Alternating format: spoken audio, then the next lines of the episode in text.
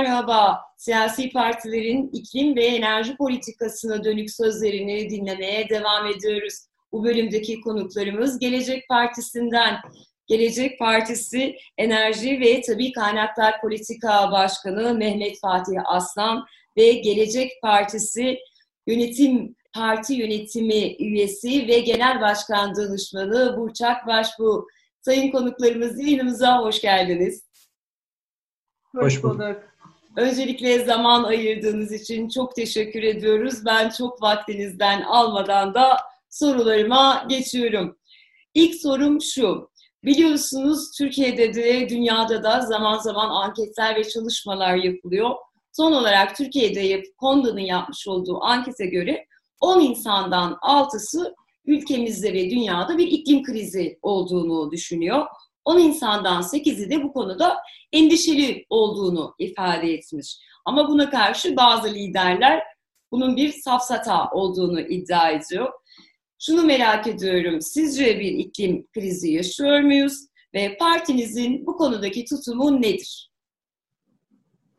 İzin, izniniz olursa evet bu soruyla ben başlayayım. Ee, çok teşekkürler. Ee, kesinlikle dünyada bir iklim krizi olduğunu farkındayız. Bunun için çok bilimsel araştırmalara da gerek yok. Ankara'da bundan 10 yıl önce çok yoğun kar yağdığı söylenirdi, olurdu, gözlenirdi kışın. Ama şu anda yağış azaldı. Kuraklık deseniz yani yavaş gelişen afetler ve hızlı gelişen afetler. Su taşkınlarını yaşıyoruz, ani sel basmalarını, birden yoğun yağışta buna cevap verilemiyor, sele dönüşüyor, afete dönüşüyor. 197 e, ülkenin bildiğiniz gibi imzaladığı 22 Nisan 2016'da New York'ta bir e, Paris Anlaşması var.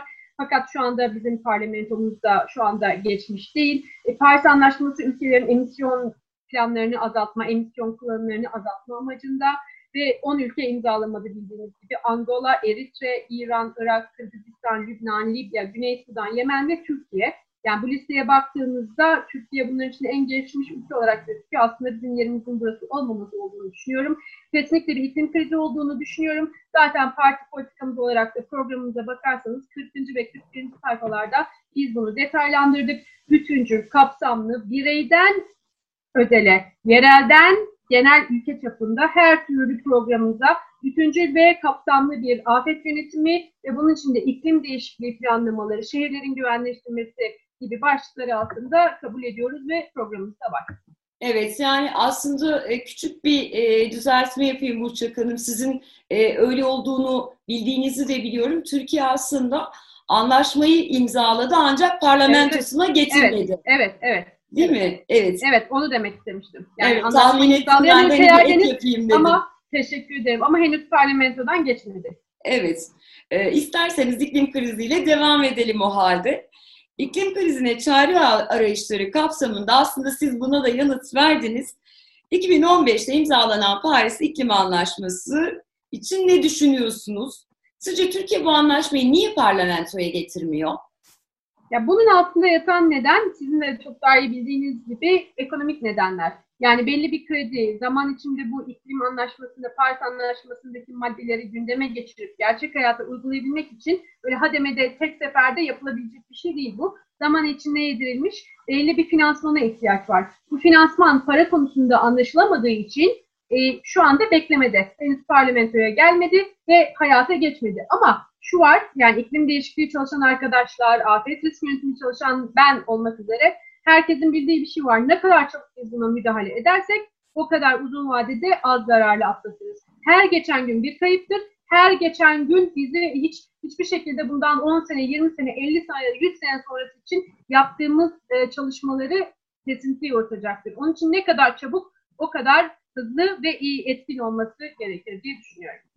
Teşekkür ediyorum. Şimdi e, siz de biliyorsunuz aslında e, Paris dediğimizde iklim anlaşmaları ve iklim krizi denildiğinde bazı alanlara e, işaret ediliyor. Hidrokarbon kaynaklar bunun e, yani yenilenemez dediğimiz bir defaya kullanımı mahsus olan petrol gibi, kömür gibi, doğalgaz gibi kaynaklar bu sürecin müsebbipleri arasında yer alıyor. Bu nedenle de başka kaynaklar sürdürülebilir ya da yenilenebilir dediğimiz rüzgar gibi, güneş gibi, hidro gibi kaynakları işaret edildiğini görüyoruz. Türkiye'de de buna dönük uygulamalar var ama şöyle de bir soru işareti var. Daha çok protestoları görüyoruz. Bazı tarihi antik kentlerin sular altında kaldığını görüyoruz.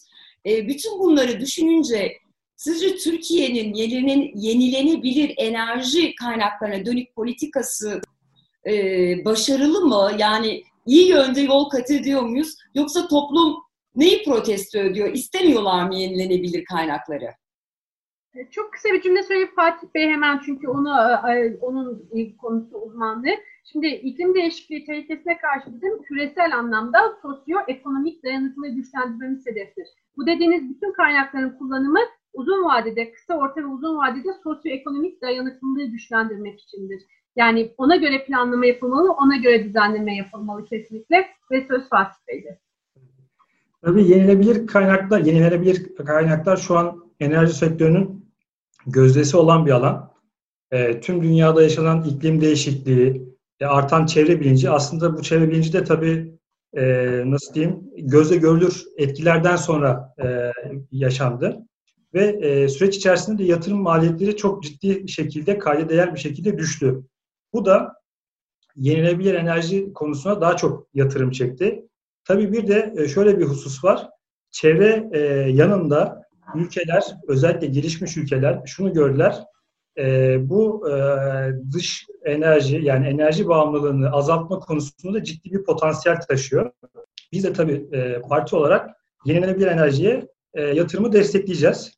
E, fakat burada şunu da e, göz önüne almak lazım. Yenilenebilir enerji kaynaklarına olan yatırım ve ilgi gelişecek. Benim öngörüme göre katılıyorum. Fakat bunu raporlara yansıttığı kadar hızlı olacağını ben düşünmüyorum açıkçası. Çünkü bugüne kadar yapılan yatırımlar ciddi devlet teşvikleri ve alım garantileriyle yapıldılar. Yani korona zamanında bile gelişmesi bu piyasanın e, yatırımların e, etkilenmemesi e, alım garantileri sayesinde oldu. Çünkü bunlar piyasa fiyatlarından e, bağımsız olarak e, devam ettiler. Piyasada serbest fiyatlama oluştuğu zaman bu yatırımların sürekliliği şu an için belirsiz. E, dolayısıyla aslında bu yenilenebilir enerji pahalı bir yatırım ve bu yatırımların petrol ve doğalgaz fiyatlarından bağımsız hareket edeceğini düşünmüyorum. Çünkü fiyat rekabeti söz konusu olduğunda fiyatı ucuz olana bir yönelim olacağı aşikar. Bunu böyle şey yapmak lazım. E, Türkiye konusunda da tabii Türkiye nasıl bir şey e, izliyor konusunda e, başarılı mıyız değil miyiz e, konusunda e, şunu, şunu söyleyebilirim. Başarılı olan alanlar var ama başarısız olan alanlar da var. Yani sizin de bahsettiğiniz gibi çevre konusunda Türkiye yenilenebilir enerjide o algı, green enerji dediğimiz, yeşil enerji dediğimiz algıyı maalesef e, solda sıfır bırakacak, böyle o algıyı yerle bir edecek bir e, uygulama yaptı. Özellikle chat raporları kağıtta güzel e, gözükmekten öteye gidemedi. Karadeniz'de yapılan HES'ler maalesef tam bir e, çevre katliamı oldu. Bunlar yine yapılabilirdi.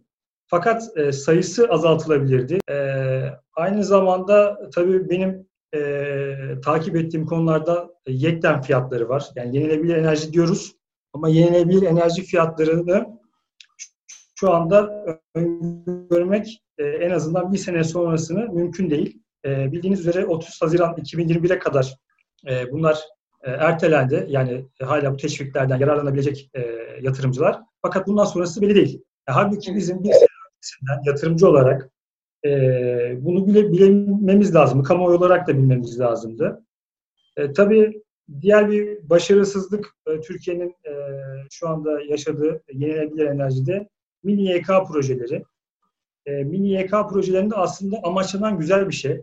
TL bazlı ödeme ve yatırımın tabana yayılması konusu aslında makul, mantıklı e, fakat e, piyasa gerçeklerinden e, uzaktı. Dolayısıyla e, geçtiğimiz Ekim ayında e, ilan edilen, bunun yapılacağı söylenen ihaleler bu Ekim ayında ertelendi.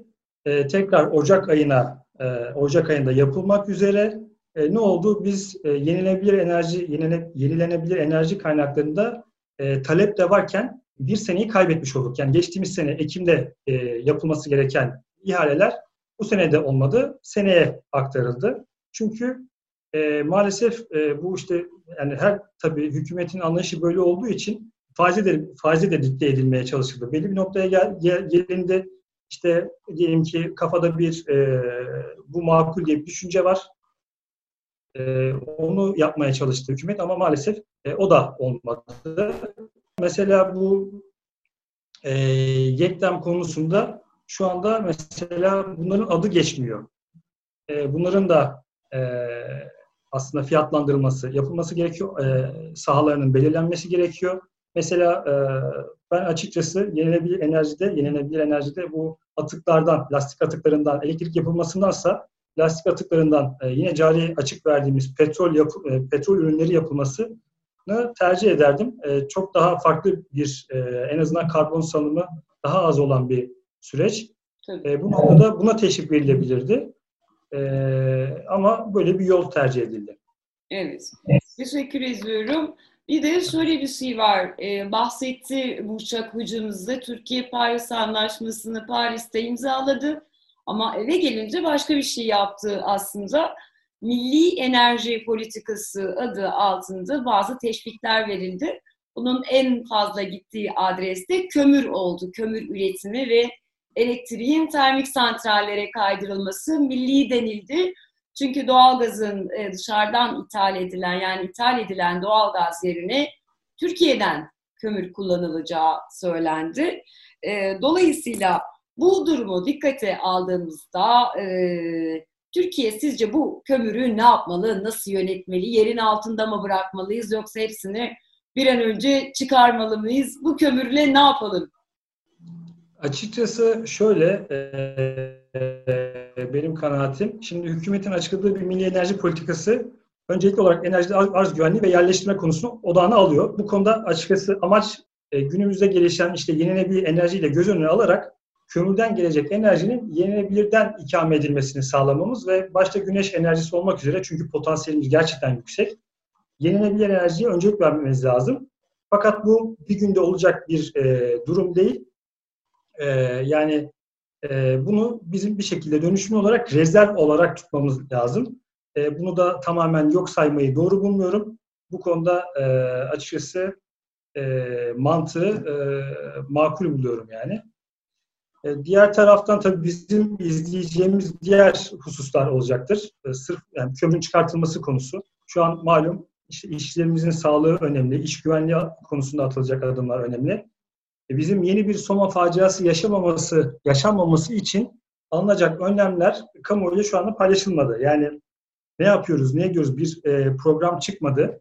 E, şey Enerji ve Tabii Kaynaklar Bakanlığı normalde stratejik planlar çıkarıyor. İşte enerji verimliliği alakalı bir e, strateji belirliyor, bunları yayınlıyor. Fakat bu kömür özelinde e, ne gibi önlemler alındığı konusunda e, yeterince bir e, aydınlatma yapılmadı.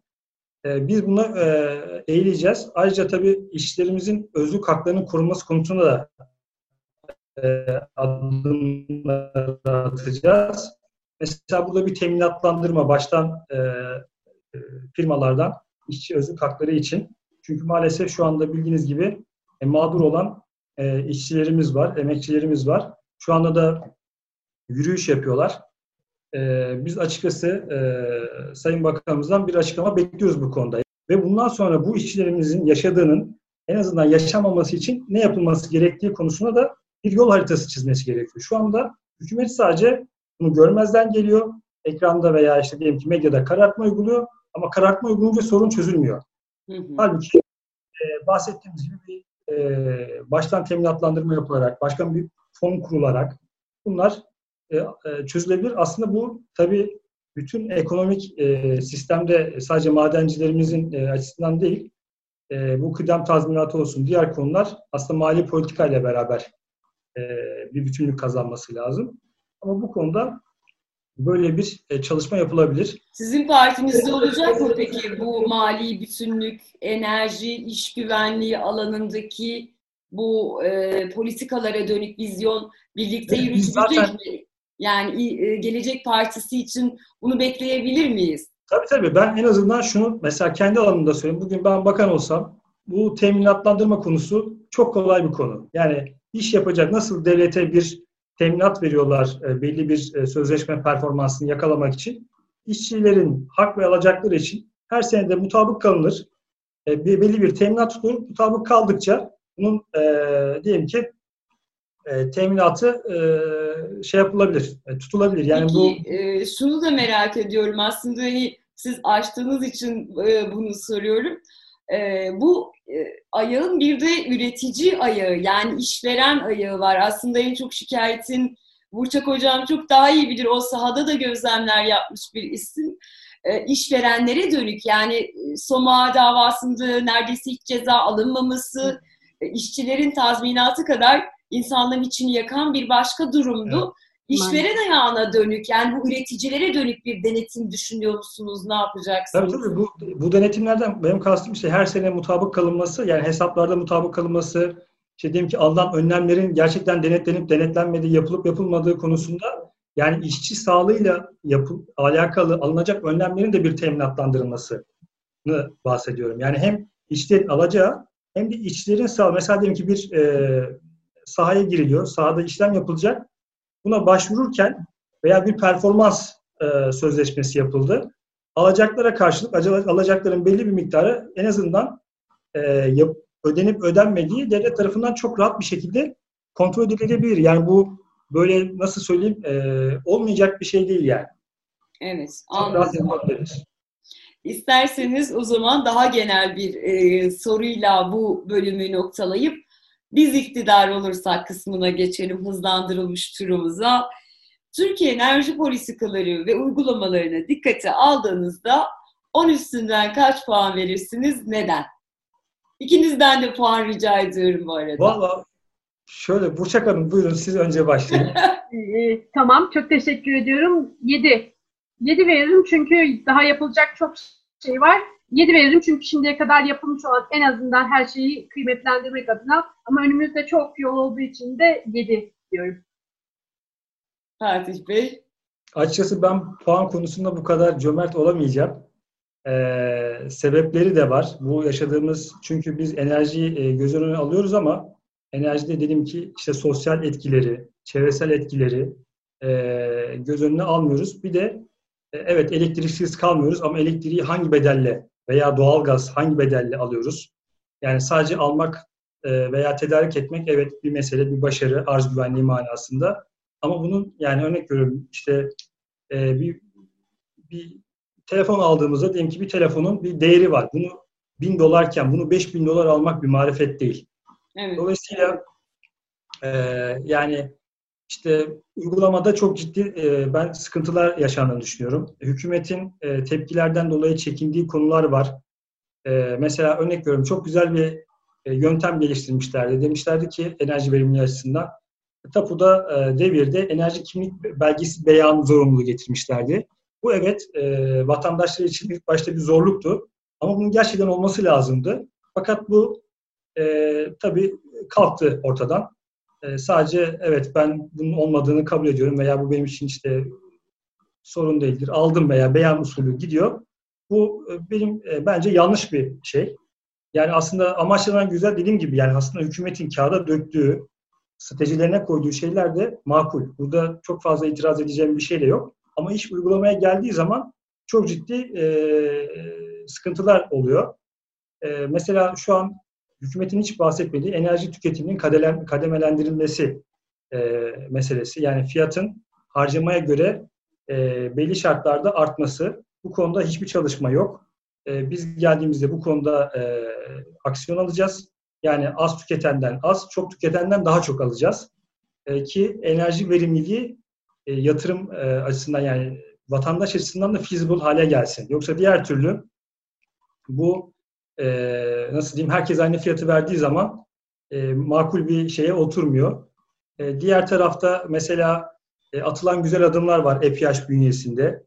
E, e, doğal şey özür dilerim. E, öngörülü bir piyasa açısından. Evet güzel ama tek bir satıcı var piyasada. Kim? BOTAŞ. Bunun rekabetçi bir e, piyasaya yani EPH kurulduysa bir e, bunun borsa gibi zaten adı da aslında şey amacı da borsa olması, fiyatların düşmesi e, ama tek bir e, şeyimiz var, tek bir tedarikçimiz var. E, örnek veriyorum 2021'de e, siz de bu konuya çok iyi hakimsiniz. e, 2020'de 21'de sözleşmeler bitecek. Tedarik sözleşmeleri fakat ne gibi bir aksiyon alınıyor? Bu konuda hiçbir bilgimiz yok. Price review maddesini veya revizyonu maddesini işlettiler mi? İşletmeye dönük bir harekette bulundular mı, bulunmadılar mı? Bu konuda da hiçbir bilgimiz yok. Yani biz evet güzel gelişmeler var ama bizim karşı olduğumuz konular bin liralık bir malzemeyi, bir malı 5 bin liraya almanın hiçbir manası yok. Bu sürdürülebilir de değil. Yarın bugün e, daha büyük e, sonuçlara da yol açabilir. Yani 5 bin liralığı yani rekabetçi olmak açısından imalatçılarımız arasında açısından e, bu doğalgazı bulduk. Bu doğalgazı bulduk bizim 2021'deki sözleşmelerimize nasıl et, etkileyecek? Dolayısıyla aslında burada çok da vakit kalmadı. Yani bahsettiğimiz e, zaman süreci 6 aylık bir süreç. 6 ay sonra e, nasıl bir e, yapıyla karşılaşacağımızı biz ülke olarak bilmiyoruz. Evet, o zaman ben e, notunu bekleyen öğrenci gibi heyecanla diyorum ki hocam puanınız kaç Türkiye'ye? Benim mi? Estağfurullah hocam konusunda. Ben 6 verirdim. İsterseniz o halde şimdi son bir dakikalık e, turumuza geçelim. Biz iktidar olursak e, evet. ben bir cümleye başlatacağım. Sizler de e, bunu tamamlayacaksınız. Hedefimiz bir dakikada beş cümleyi bitirebilmek. Bu sefer ben puan vereceğim. E, bitirirseniz yüz, e, bitiremezsiniz, bitiremediğiniz soru kadar puan e, keseceğim. Bir dakikanızı hazırsanız başlatıyorum. Gelecek Partisi olarak biz iktidar olursak Paris İklim Anlaşması kabul edeceğiz ve uygulayacağız. Gelecek Partisi olarak biz iktidar olursak Akkuyu Nükleer Santral, Ak nükleer e, politikalar. Evet. Ülkemiz için, ülkemiz ve dünya için en uygunu neyse en doğru çözümü getireceğiz. Tamam. Gelecek Partisi olarak biz iktidar olursak doğal gaz rezervleri ve politikaları değişmeyecek, devam edecek. Aynı şekilde araştırmaya devam edeceğiz. Evet. Gelecek Partisi olarak biz iktidar olursak HES'ler sorumlu yatırım olacak. Daha, daha kamuoyuna açık yatırımlar olacak. Evet, son 4 saniyeniz. Gelecek Partisi olarak iktidar olursak termik santraller. Dönüşecek. Dönüşecek dediniz. Ve yüz üstünden yüz verdim. Beş soruyu yetiştirdik. ee, dediğim gibi benim için cevaplardan e, tabii ki cevaplar da çok kıymetli ama burada hani bir dakikada ilerleyebiliyor muyuz ölçtük. Ağzınıza sağlık. Ee, turumuzu başarıyla geçtiniz. Evet, evet. Ee, tekrar zaman ayırdığınız için e, enerji politikası konusundaki düşüncelerinizi bize aktardığınız için teşekkür ediyoruz. Çok teşekkür ederim. Sağ olun. Tekrar teşekkür, teşekkür ederim. Sağ olun. Eşitsiz Denklem'in bu bölümünde Gelecek Partisi'ni ağırladık. Onlarla beraber Türkiye enerji politikasını, gelecek projeksiyonlarını, yenilenebilir enerjiyi, dünyanın yaşamış olduğu kriz ve buna dönük çözümleri ele almaya çalıştık. Bizi izlediğiniz için teşekkür ederiz. Hoşçakalın.